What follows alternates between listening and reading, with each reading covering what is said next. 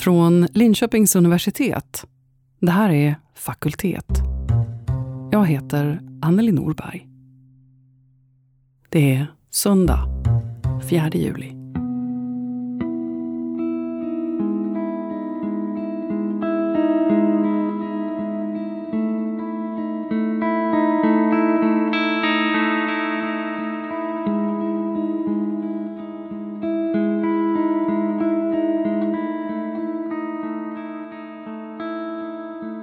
Skolavslutning i nian.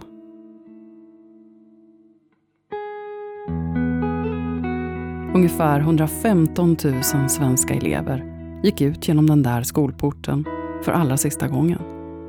Även i år.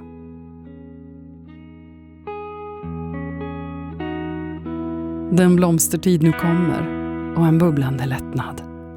Yes. Sista året i grundskolan. Nu börjar det. Och kanske lika ofta en sån där iskall klump i magen. Räcker mina betyg? Kommer jag in? Och vad händer nu? Våren i nian är en tuff tid med mycket press från olika håll. Och i media talas det om en stadigt ökande psykisk ohälsa bland 15-åringar. Och det är det här som fakultet handlar om idag. Om våra 15-åringar och deras vardag. Fyra av dem får du träffa här. Vilma Burö, Karla Svensson, Elinor Lundgren från Nordhemskolan i Göteborg och Jesper Rydmark Kersley från Nya Munken i Linköping. Jag har bett dem spela in ljuddagbok nu under våren i nian för att berätta om sin vardag. Ja, god morgon. Jag vet ett litet mönster där. Vi går över trädvagnen som står bredvid här bara. Så fortsätter vi resan bara. kommer bli perfekt. Det här är Vilma. Okej, så jag har fått tillbaka det här hörförståelsetestet i franskan och det gick åt helvete. Eh, ja men det gick på riktigt alltså skitdåligt och min lärare sa det liksom så här. Ja det här var inte så likt dig liksom och alltså varför gjorde du så typ? Ehm, ja, nej jag vet inte. Alltså det gick så jäkla dåligt. Elinor. Pew. Nej, men jag har precis kommit ut från NO-provet. Jag lämnade in det för några sekunder sedan. Och nu känns det riktigt bra. Jag känner en eh, lättnad efter att ha gjort ett prov. Och eh, vi har bara ett NO-prov kvar i nian nu. Så att nu, eh, nu börjar det bli eh, slutet av nian liksom. Jesper. Vi börjar med ett nytt spel som heter Conflict of Nations. Och det är typ som risk, fast på mobilen så vi kör med varandra. Då gäller det att ta över världen. Det är ganska kul. För det är mycket strategier inblandat. Och tänker jag på känslor eller åsikter om dagen så jag vet inte riktigt, jag, jag gillar inte födelsedagar så mycket. För att jag gillar inte att vara i centrum, om man kan säga så. Och jag gillar inte när folk köper grejer till mig. För jag tycker det verkar som att slösa ut pengar. Men, ja. Det var det. Och det här är Karla. Det får gå som det går, känner jag. Jag orkar faktiskt inte tänka på det nu. Jag tar dagen som den kommer. Så får jag... Ja, det får bli som det blir. Men nu ber jag mig till tandläkaren och så tar vi det därifrån. Jag lär få huvudvärk som att de ska spänna min tandställning men... Ja, Alvedon löser problem.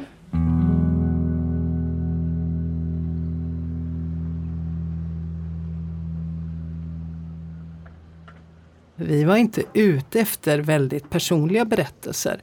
Men när man börjar prata om besvär och vad de representerar i ens liv så blir de eh, personliga. Det här är Annette Wikström, forskare vid Linköpings universitet som fått stor uppmärksamhet för sin forskning om ungas hälsa under det senaste året. Hon har tillsammans med kollegan Sofia Kvist Lindholm intervjuat 15-åringar i nian om de svar och resonemang som de hade när de svarade på frågor i en stor enkät. Det är en internationell enkät som heter Skolbarns hälsovanor. Och särskilt så är det en av frågorna som har stor betydelse. Som handlar om besvär som eleverna markerar att de har i sina liv.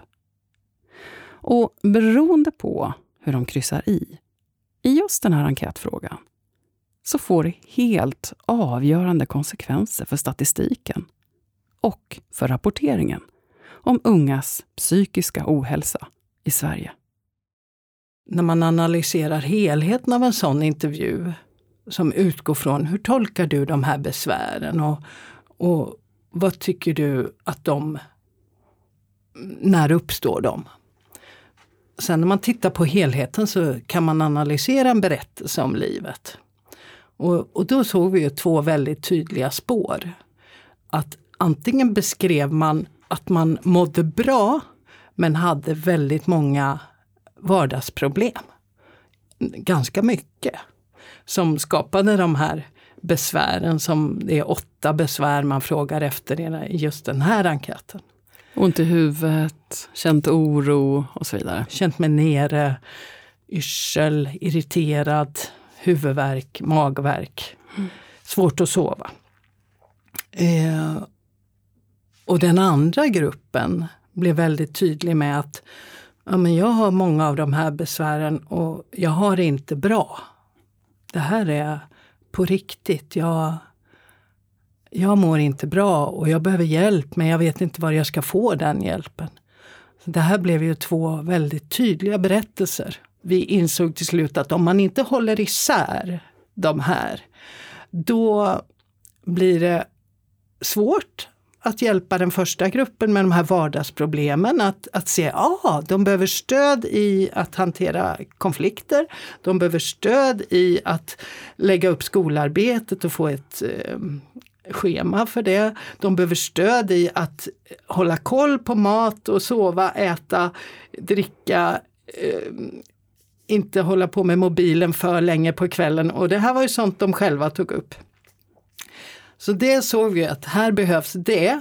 Och, och det är viktigt att hålla isär från den andra gruppen som behöver en helt annan typ av stöd. Och framförallt att deras berättelse visade att det var inte deras mentala problem som spökade utan det var väldigt ofta någonting i strukturen eller kontexten, i det sociala eller i familjen som var krångligt. Och här behövdes insatser. Mm, och då handlar det om ganska allvarliga problem. Ja, verkligen. Eh, det kunde vara att en förälder var döende i cancer. Det kunde vara att man hade varit utsatt för ett övergrepp. Eller att man ständigt misslyckades i skolan. Det kunde också vara att man hade prestationshysteri för sitt skolarbete att eh, man eh, lyckades och ville alltid lyckas. Det fanns ingen balans i det här. Så att det var problem av väldigt olika slag men skillnaden vi såg var att det blev djupgående problem som de behövde stöd med av en professionell eller en mentor eller en speciallärare eller en kurator. Medan den andra gruppen hade lite mer ehm, generella problem med sånt som skolan till exempel och elevhälsan alltid behöver arbeta med. Euh, quand une fille dit non, j'ai l'impression quand même que souvent ça sous-entend que c'est... C'est non. Non. D'accord. Ah ouais. Ah, faut bien... Euh, ouais, c'est pas si simple, faut bien choper le truc. Hein. Som jag ändå så här känt mig, eller känt mig ganska så här säker på franska typ, eller så här mitt, mitt betyg franska och sen så här men ganska säkert. Så här, jag har varit ganska säker på att jag skulle, ska behålla kvar det. Liksom. Eh Varken Vilma eller Elinor, eller Karla eller Jesper har varit med och fyllt i den här enkäten. De har inte heller deltagit i Anettes intervjuer. Utan de berättar helt enkelt bara om sina liv och sina tankar. Jag vet inte vad jag ska göra för att liksom jag blir så himla stressad. För jag gillar ju att ha allting in under kontroll liksom och så här. Ja, det här tror jag, jag här, ja, det här betyget behåller jag, det här sänker mig. Och liksom, jag har alltid haft franskan som att det här betyget kommer jag hålla, men nu känns det som att jag kommer sänka mig. Så um, ja, det känns väldigt jobbigt. Um, Och jag känner en väldigt stor press på att jag måste prestera bra på varenda liten grej vi har. Och, alltså inte bara i franskan utan alla ämnen liksom i övrigt. Och jag vet inte, det gör mig bara jättestressad. Um, ja, men jag vet inte riktigt vad jag ska göra om jag ska vara ärlig. För liksom, jag tänker bara på att jag måste komma in på det här gymnasiet jag vill komma in på liksom och då måste jag hålla uppe mina betyg och det känns bara som att jag kommer sänka mig jätte, jättemycket nu och att jag inte kommer komma in och ah, alltså jag blir så jäkla arg för att det är de här eh, nationella proven som drar ner mig så himla mycket. Och helt ärligt, jag fattar inte varför man har nationella prov i moderna språk för att det är bara mer stress och mer liksom men alltså, jag, jag, man, tror de att folk kan franska så himla bra när man går i nian liksom? Vi har läst franska i, vad är det, typ ja, men fyra år då, men alltså det är svårt språk liksom och det var, där var liksom överklass om jag säger så. Nej men alltså det där var, nej. Nej, det gick skit. God morgon. Um, det är fredag och jag ska alldeles strax bege mig till tandläkaren. De ska fixa någonting med eh, tandställningen. Jag vet inte riktigt vad, men någonting. Och sen ska jag då tillbaka till skolan, eller tillbaka, jag ska till skolan och eh, ha, jag kommer att missa några lektioner, exempelvis matten. Och det är inte så nice för jag fattar ingenting just nu. Vi håller på med geometri. Jag tycker det är bara så här. Allt känns ologiskt och jobb... Alltså, jag vet inte. Jag fattar typ inte, men ibland fattar jag, men jag brukar inte fatta. För det är ja, ologiskt och jobbigt bara. Men jag kommer i alla fall missa en mattelektion och sen kommer jag vara med på spanskan och en mattelektion. Vi har dubbelmatte med lunch emellan. Så jag kommer väl komma till lunchen ungefär och så blir det typ grå börngryta kanske med morötter. Jag vet inte. Eh, ja, jag vet inte. Det är inte så.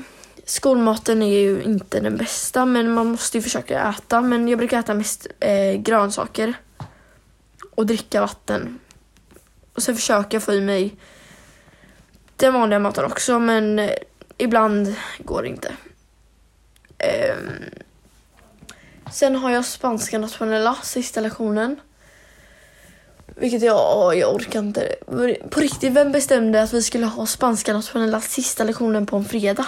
Um, när huvudet är typ helt sprängt och man bara vill ha helg. Och så ska man prestera på hörförståelse och då måste man verkligen man måste verkligen öppna upp och tänka och jag i vanligtvis, alltså vanligtvis, jag kan inte tänka sista lektionen på en fredag. Det är verkligen min, allt står still. Man tänker ju bara på att och nu är det helg så jag tycker det ska bli jobbigt att behöva tänka så här, okej okay, jag måste prestera och bla bla bla. Det är sista lektionen.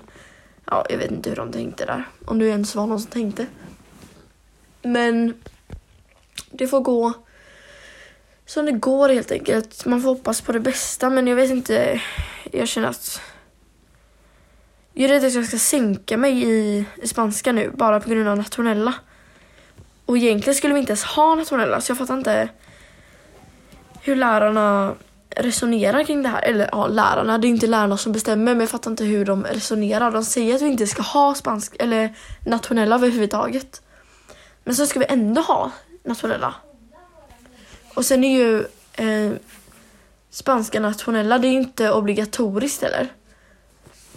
Så jag tycker bara det är dumt att skolan väljer att sätta så här mer nationella att, i typ alla olika ämnen. Speciellt på min skola, där har vi ju nationella i alla ämnen som går. Och då blir det jätte, jättestressigt och nu sätter ju alla lä lärare typ trippelt så mycket prov bara för att vi inte ska ha nationella. Men eftersom att vi har det i spanska så kommer vi inte ha några andra spanska prov vilket är skönt. Men ja, jag vet inte.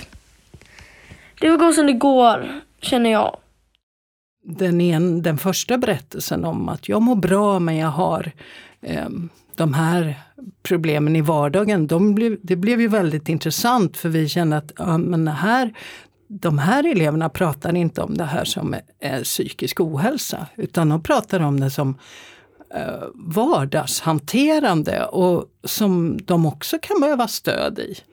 Att hantera vardagen, för det handlade om tre saker. Det handlade om deras relationer, och det handlade om kroppen och det handlade om skolan.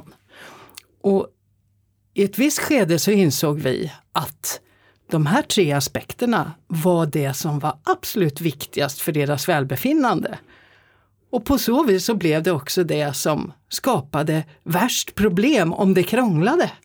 Krånglade relationerna så blev det många besvär. Krånglade skolan blev det många besvär. Men de fortsatte att hävda att men i grunden mår jag bra. Men det här och det här har hänt. Blev ni förvånade av innehållet av berättelserna som kom fram i de här intervjuerna? Ja, jag, jag blev väldigt förvånad över eh, den tydliga beskrivningen de kunde göra av de här åtta besvären. Att det, ja, det handlar om det här och det här och det här. Och, och där blev ju också viktigt att, att eh, besvär var inte alltid något negativt. Jag tog med mig eh, några citat här. Jag kommer inte ihåg alla citat men så här sa en, ja, men man kan vara nervös ofta. Eh, imorgon har jag en aktivitet och ska träffa nya personer. Då kan man vara lite nervös. Eh, man kan vara mycket nervös. Och lite nervös känner de flesta i stort sett varje dag. Och svaret som enkätforskarna vill veta är nog mer, eh, nej jag känner mig inte säker. Alltså den här svårigheten att aha, efterfråga de stor nervositet eller lite nervositet och det är jag ju varje dag. Ska jag skriva att jag är nervös varje dag då? Eh, och en annan, eh, det var en pojke som sa det där och det andra var en flicka som sa Ja men alltså sekunderna innan, nu svimmar jag, det här går inte men Ändå är det ju typ det bästa jag vet. Så det finns ju bra nervös när man är nervös inför någonting som man egentligen är taggad på. Så att jag tror inte att de visste hur de här besvären tolkas. Man frågar efter besvär. Sen tolkar man det som psykosomatisk problematik, psykosomatisk ohäls eh, hälsoproblem. Och i nästa skede rapporterar man det som psykisk ohälsa och internaliserade problem. Så helt plötsligt har ju besvär som man då fyller i som handlar om vardagen eller om något väldigt allvarligt har då klumpats ihop till något som vi kallar psykisk ohälsa. Och den transformationen är ju mycket problematisk. Eh, och det här tror jag att alla forskare håller med mig om. Och det är därför som den här enkäten innehåller så mycket andra, kanske viktigare frågor som man då kompletterar med. Det är bara det att när vi väl hamnar där och ska rapportera ut i ekonyheterna, då är det så smidigt med siffror. Så då slänger vi ur oss den här siffran och det är lätt också i överföringen från epidemiologisk kunskapande till media. Att ja, men det har ökat med 100 procent här på några år. Och det säger ju så lite om ungdomarnas besvär. Och de är inte medvetna om att det är det som ska bli resultatet av.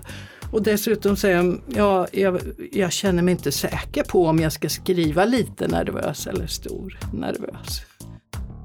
Så det här blev ju så intressant utifrån den rapportering vi har i Sverige idag.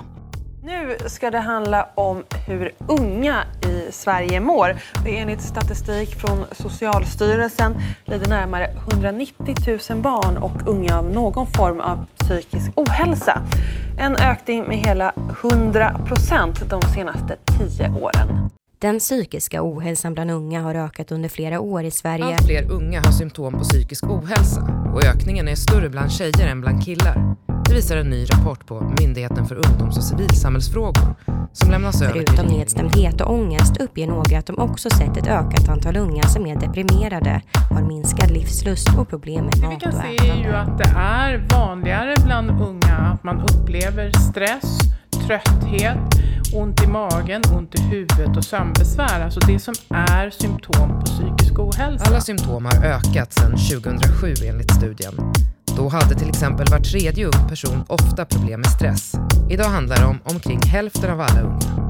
Att den psykiska ohälsan bland unga ökar har även visats i tidigare studier och den här nya studien visar att den fortsätter att öka. I över hälften av Sveriges regioner upplever man att den psykiska ohälsan bland unga har ökat Det är också ett faktum att den psykiska ohälsan bland unga och antalet självmord ökar och eh, det ska vi ta. Flera av gymnasieungdomarna som sökt hjälp under våren har svårt att hålla vardagsstrukturen med grundläggande vanor kring mat, sömn och utevistelse. Vi ser ju en ökad eh, psykisk ohälsa, en ökad oro framför allt bland elever i skolan. Det har kommit eh, synpunkter och eh, infall från elever som, som uppger att de känner sig som en förlorad generation.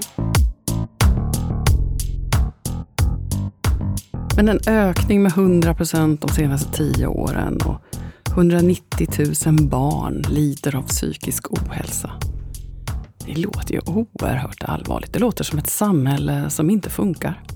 Ja, det gör det. Och ehm, jag tror att vi är alldeles om vi ska komma åt problemet, för jag tror att vi har att göra med ett problem, så det är inte det jag står och säger här. Men om vi ska komma åt det så kan vi inte bunta ihop på det här sättet. För det kan ju vara så att vi i de här siffrorna ser att Jaha, men de här ungdomarna får alltså inget stöd i sina konflikthanteringar eller med sin skola. Är inte skolans insatser tillräckliga? Eller med att hantera kroppen och maten och träningen. Men det här bakas ihop på ett sätt som gör att de här vardagliga problemen patologiseras och istället för att tas om hand som vardagliga problem så blir det en individualisering. Det är individen som har problem och är sjuk och behöver kanske i slutändan någon slags vård. Fast det egentligen handlar om en kontext och struktur där man behöver ta, om hand, ta hand om de här vardagsproblemen. Hur, hur menar du med patologiseras? Ja, att, eh, att man låter det bli eh, ett begrepp för medicinen att hantera. Att eh, ha ont i huvudet, att det blir en medicinsk fråga istället för att om vi kanske inte har någon bra ljudmiljö i den här klassen. Alltså att man, man för över det till ett smalt eh, medicinskt problem eller eh, epidemiologisk fråga. Fast det kanske är helt andra insatser vi behöver för de här vardagliga problemen. Men insatser kanske behövs. Och, och när det gäller den andra gruppen så blir ju det här hopbuntningen blir ju att, att deras problem kan till viss del osynliggöras. Och det är mycket problematiskt. De här larmen står för en allmän förändring i samhället som skett gradvis under hela 2000-talet, menar Anette. Vi har gått från tanken på samhällets barn med en utgångspunkt att vi alla har ansvar för att ta hand om utsatta barn och unga till att istället lägga ansvaret på individen. Du har ansvar för din egen hälsa. Du har ansvaret om du inte mår bra. Både propositioner och utredningar från statliga myndigheter och, eh, och så vidare fokuserade på barns ängslan och oro.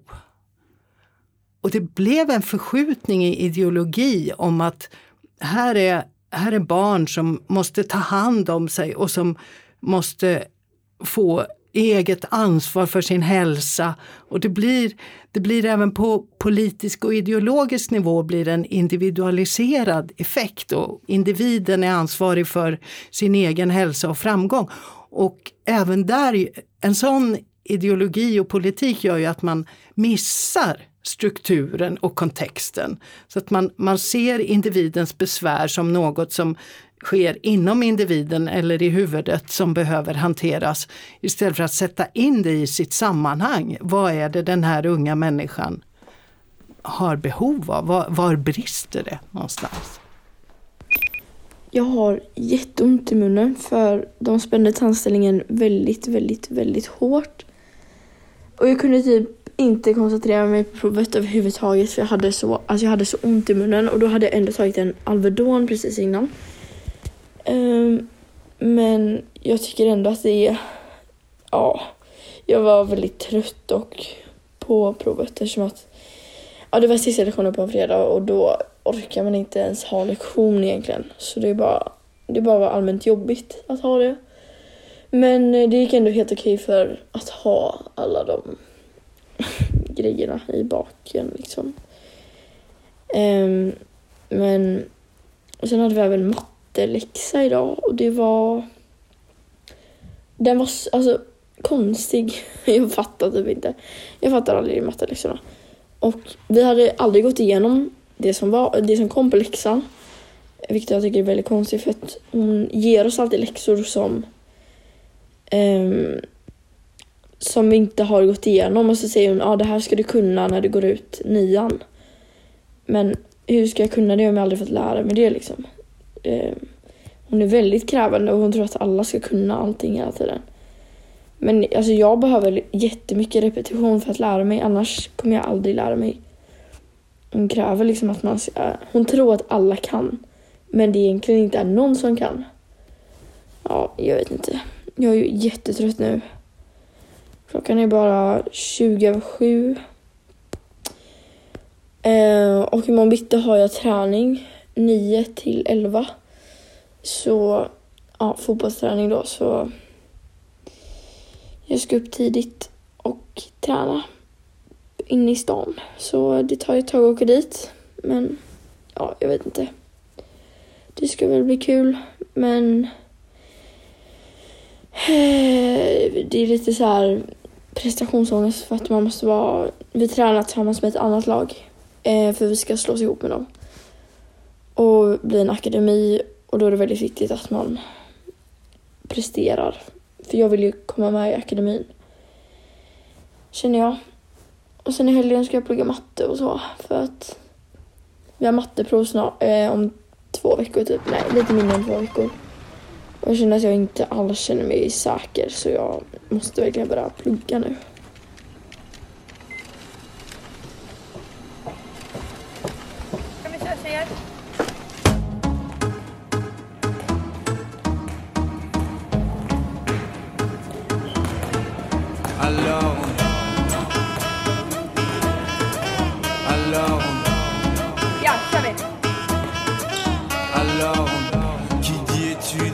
Travail, qui dit taf te dit les thunes, qui dit argent dit dépense. qui dit crédit dit créance, qui dit dette te dit huissier, lui dit assis dans la merde, qui dit amour dit les gosses, dit toujours et dit divorce. Eh, nu så är det vecka 17, nej vecka 16, men det är söndag. Eh, och jag ska iväg och träffa några kompisar. Ehm, men ehm, ja, alltså det har varit väldigt stressigt de senaste veckorna efter lovet. Vi gjorde så här läsförståelsetest i svenskan. Kändes skitdåligt. Eh, men... Ja, alltså jag vet inte, jag typ... Jag typ bryr mig inte längre. Alltså... Det låter jättekonstigt att säga så, men... Det känns liksom... Ja, nu får det gå som det går liksom. Jag kan inte rädda upp det liksom. Så... Ja. Liksom så nära in på eh, sommarlovet liksom så att jag tror att många känner så att man man, inte, man kan inte slappna av helt men man man vet ungefär, alltså efter de preliminära så vet man ungefär var man ligger fast det kan ju ändra sig helt också. Men jag känner ändå, ja, jo, visst jag känner mig lite osäker kanske men det känns ändå bra tycker jag. Och liksom det är inte hela världen om jag inte kommer in heller. Jag känner verkligen, alltså. Ja, mitt andra val är också jättebra. Så det känns ändå bra. Um, så i skolan känns det väl bra, men nu känns det ju också lite så här. Alltså i handbollen känns det ju skitdåligt. Um, men jag tror det är för att jag inte har någon motivation till att träna typ. Eller alltså det är inga matcher, det är inga kupper, det är ingenting och liksom man bara springer runt där och gör tränar liksom för ingenting känns som. Um, jag vet inte. Det är kanske därför jag känner mig så jävla dålig. Um, eller om det bara är att jag är fett dålig, men... um, ja. Jag vet inte, men det är, jag tänker det, det blir väl bättre senare om man får träna någon gång. Hoppas verkligen det. Det har varit liksom inga matcher eller någonting på så länge. Um, så jag hoppas verkligen att vi kan hoppas verkligen att vi kan dra igång i allting snart igen. Nu är det lördag morgon. Jag är ganska trött. Eh, sovit ganska bra ändå. Men jag vaknade upp med väldigt ont i halsen. Vilket känns rent skit. Eh, om man frågar mig. För att helgerna vill man ju göra saker på. Men nu kommer jag få stanna hemma. Eh, så det blir fortsatt serietittande, virkande, plugga lite. Men annars mest hålla mig hemma, försöka bli frisk så fort som möjligt.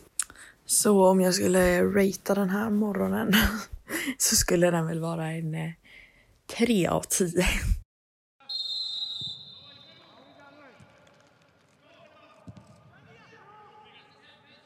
Givetvis, och som du som var inne på, man väl då går till anfall, har han lagt väldigt mycket kraft och fram den bollen så att man kan vinna som i det här fallet.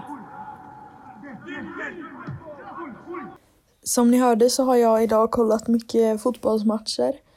Eh, vilket jag tycker är något av det roligaste som finns på kvällar. Denna söndagen har alltså varit väldigt bra faktiskt. Jag har varit ute på en promenad, kollat matcher och eh, sen senare ikväll så ska jag kolla på Grammisgalan. Och eh, jag vet ju att jag inte kommer få så mycket sömn men det gör ingenting för att jag tänker att någon gång måste man ju få stanna uppe lite extra och kolla på Grammisgalan. För det händer ju bara en gång om året. Men i och med att jag inte har tränat sen i torsdags eh, så känner jag mig ganska ja, men, tung och slapp i kroppen. Eh, vilket jag inte brukar känna mig eftersom jag ofta tränar. Så jag är riktigt rastlös och vill bara gå ut och springa av mig. Men eh, ja, det får vi vänta. SMS received. Jag gick och la mig klockan tre. Eh, så jag spelade. Satt och snackade med några kompisar. Sen eh, vaknade jag klockan ungefär tolv. Eh, så jag åt ingen lunch. Kanske jag borde gjort. Men det gjorde jag inte.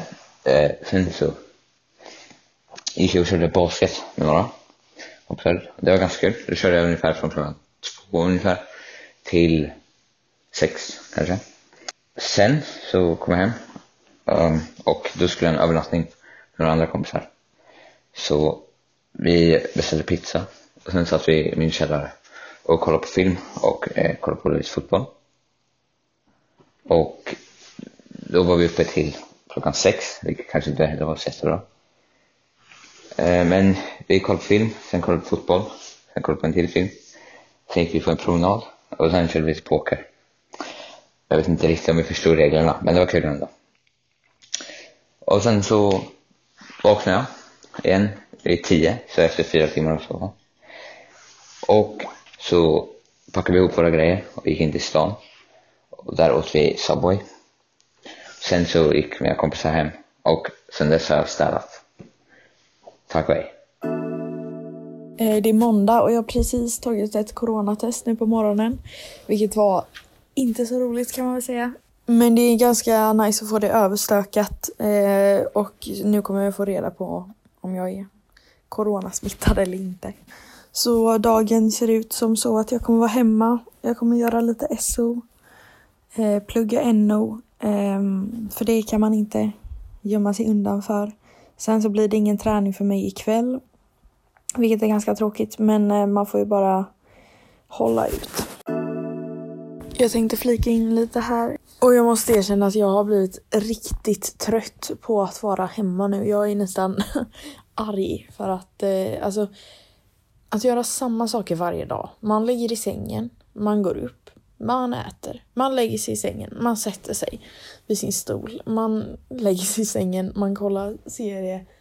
Det finns, alltså jag hittar ingen motivation till någonting. Jag skulle bara vilja gå på träningen som jag har ikväll men det går ju inte. Så att eh, jag, jag, jag tycker faktiskt livet är riktigt jäkla trist just nu. Jag känner att, att ingenting är roligt och att jag har ingenting att se framför mig liksom. Alltså det är bara typ ett tomrum framför mig.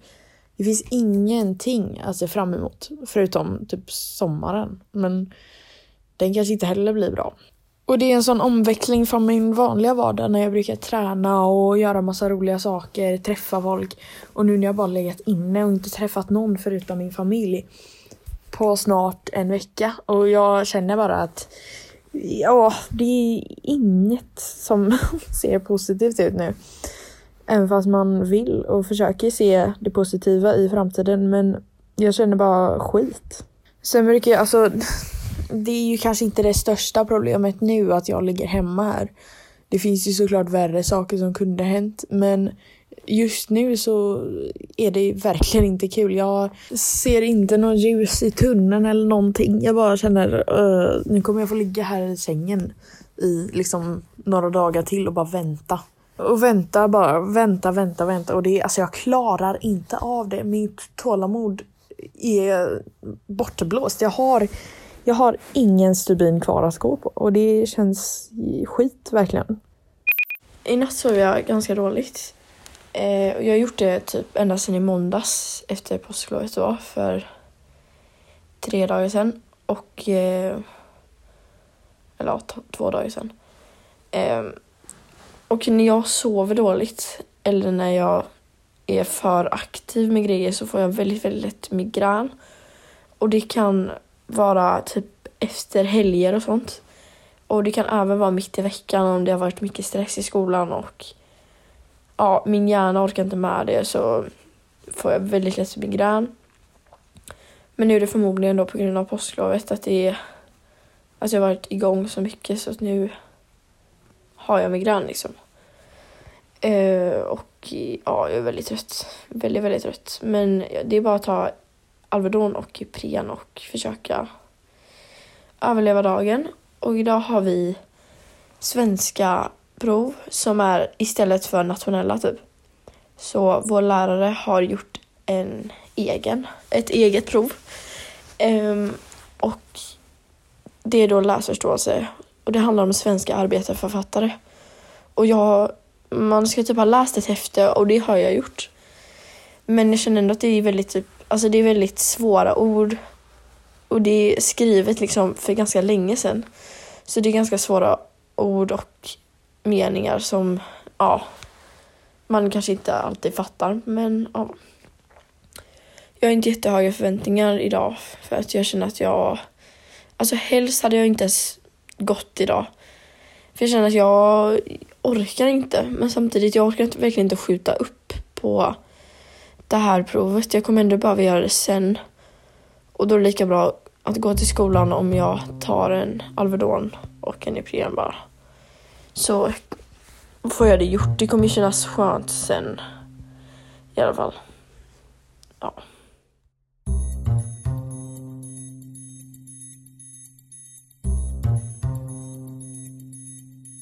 Det här handlar om oss alla. Det här är inget specifikt för ungdomar. Och ibland tänker jag att vi håller isär alldeles för mycket och pratar om ungas psykiska ohälsa.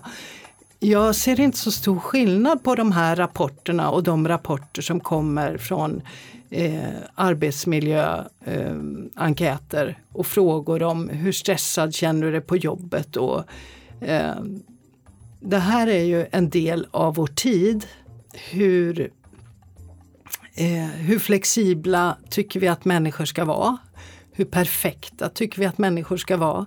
Så det är inte så att ungdomarna skapar sin eh, sina bedömningsprojekt i skolan på sitt eget sätt. Det hänger ju ihop med hur vi skapar våra bedömningsprojekt och vad vi ska åstadkomma och eh, klara av.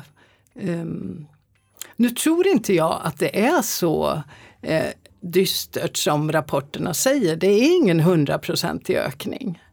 Eh, utan det är föränd ett förändrat samhälle. Eh, så att vi behöver prata om det tror jag. 100% förändring av samhället, vad ska vi göra åt det? Eh, och eh, när det gäller ungdomarna så måste vi som flera eh, glädjande nog rapporter har gjort, senast från Mind som tar ett helt annat eh, grepp om den här frågan, att titta på ungdomar i sitt sammanhang och släppa symptomskalor. De ger oss inget kött på benen utan de ger oss oroande siffror som är, går snabbt att rapportera i Ekot men som inte eh, hjälper oss att förstå ungdomarnas behov.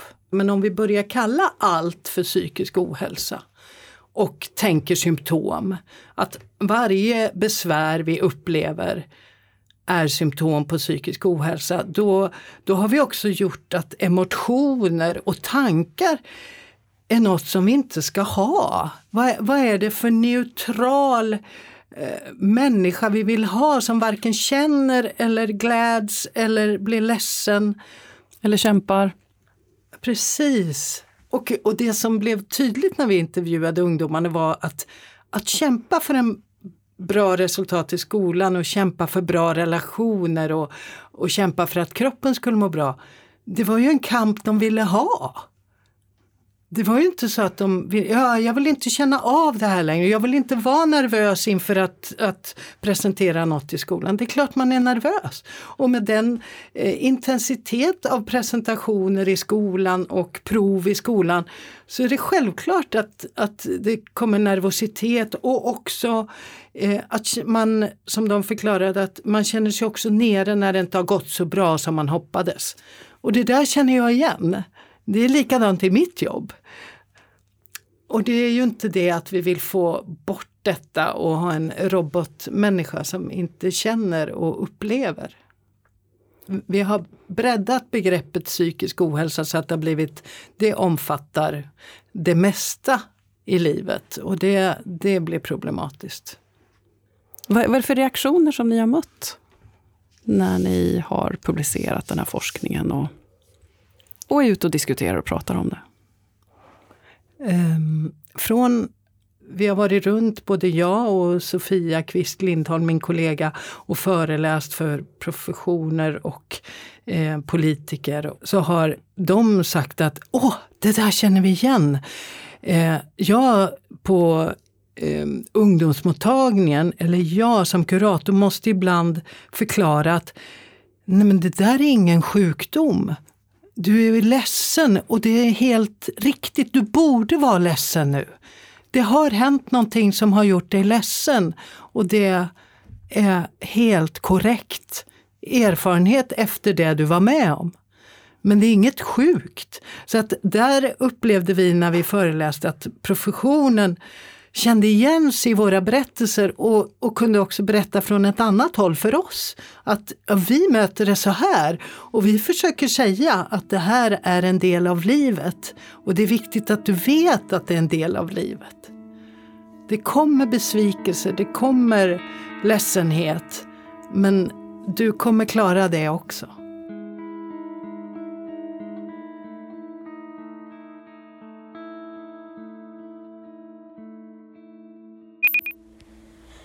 Eh, idag hade vi då det svenska provet. Eh, och det skulle jag nog säga mer var ett SO-prov än svenska prov. För det handlade typ inte ens om svenska arbetarförfattarna. Det var massa andra grejer och det var verkligen man skulle bara typ resonera och skriva mycket.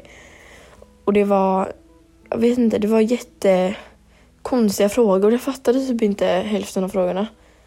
Och så blev jag så stressad för att det var en timma med sju stycken långa frågor som man skulle resonera.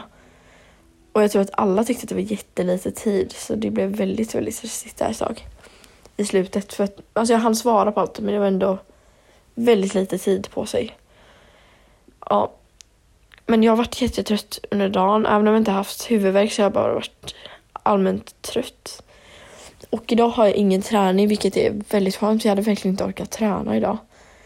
Um, så jag ska bara, alltså jag ska gå och lägga mig väldigt tidigt. Och idag har vi inga, vi har liksom inte så jättemycket prov på någon vecka, eller så här nästa vecka eller så. Utan proven, det är lite fler prov framåt. Och då är det mer nationella, eller då fake nationella som de kallar det. Um, så det är något att inte se fram emot. Men, och just det, vi har just nu en läxa som är 45 minuter varje dag så ska vi jobba i matteboken. Och alltså, 45 minuter, det är jättemycket. Det kanske inte låter så mycket. Men på den lilla fritiden jag har så är det väldigt mycket. Det är ju... Ja, det är mycket på den lilla fritiden jag har. För jag har typ ingen fritid. Det är liksom komma hem, träna, nej komma hem, äta, byta om, träna och sen om jag inte har träning så är det plugga. Och då blir det att ska jag plugga? Jag kan ju inte bara prioritera matte hela tiden. Ja, men samtidigt är det för vårt eget bästa och inför nationella, men ändå jobbigt.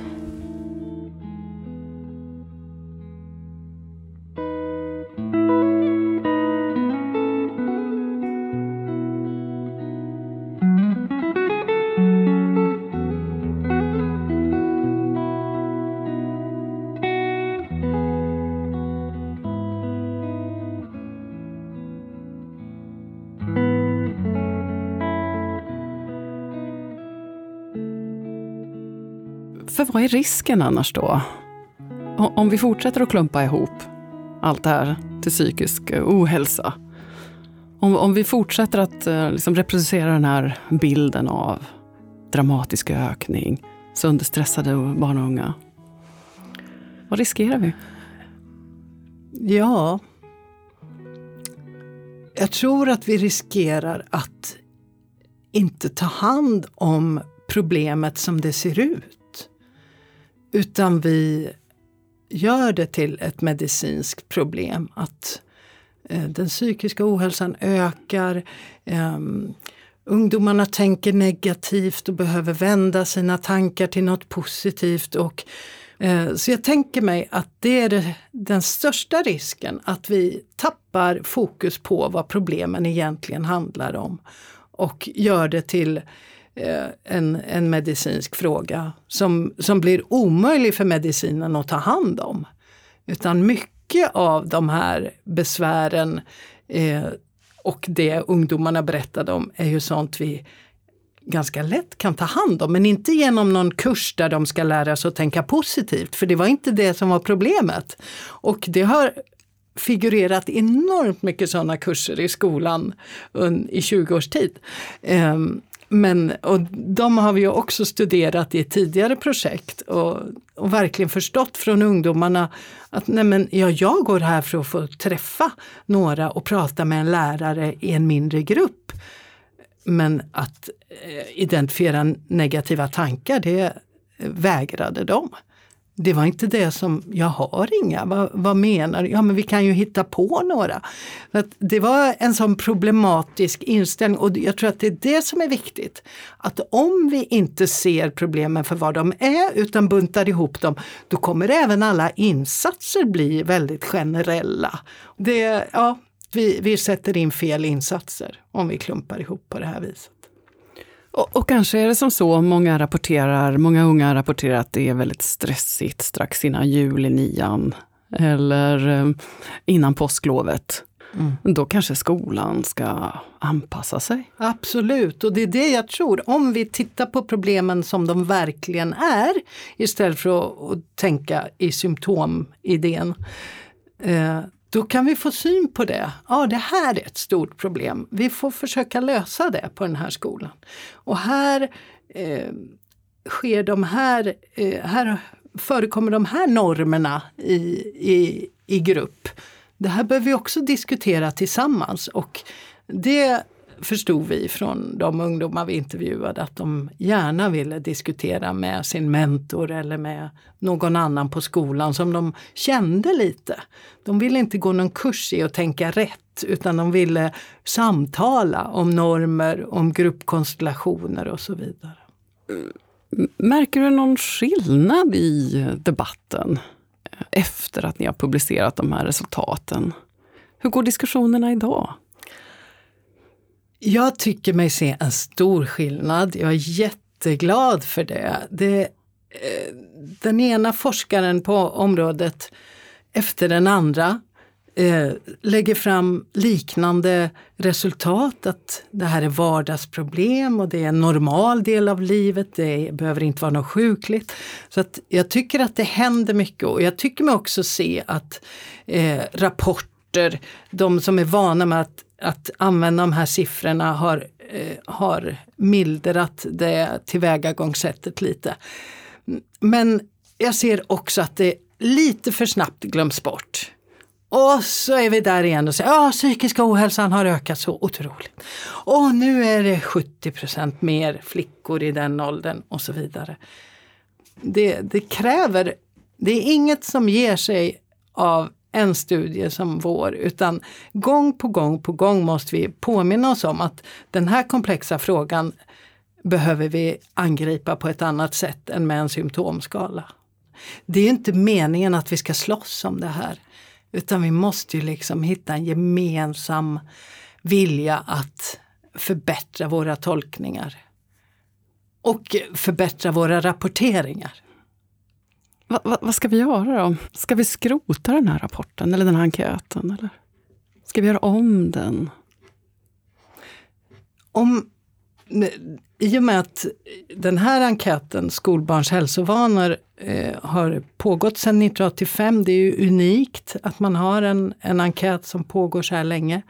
Eh, så vill man säkert fortsätta för man vill se förändring över tid. Men när det gäller eh, den frågan vi har tittat på med de här åtta besvären så tycker jag inte att det är någonting man ska eh, lägga ut som första resultat utan man måste ge den mer komplexa bilden som man faktiskt har med hjälp av den här enkäten. Och det som är kanske allra viktigast att säga i det här sammanhanget är att enkäten visar att ungas välbefinnande har varit stabilt och jämnt över åren.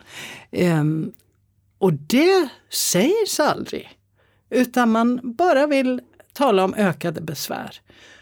Och eh, i och med att besvären är så svårtolkade så förstår jag inte. Jag tycker att man istället eh, kunde rapportera om att välbefinnandet är högt och stabilt i år med och högt i relation till andra europeiska länder.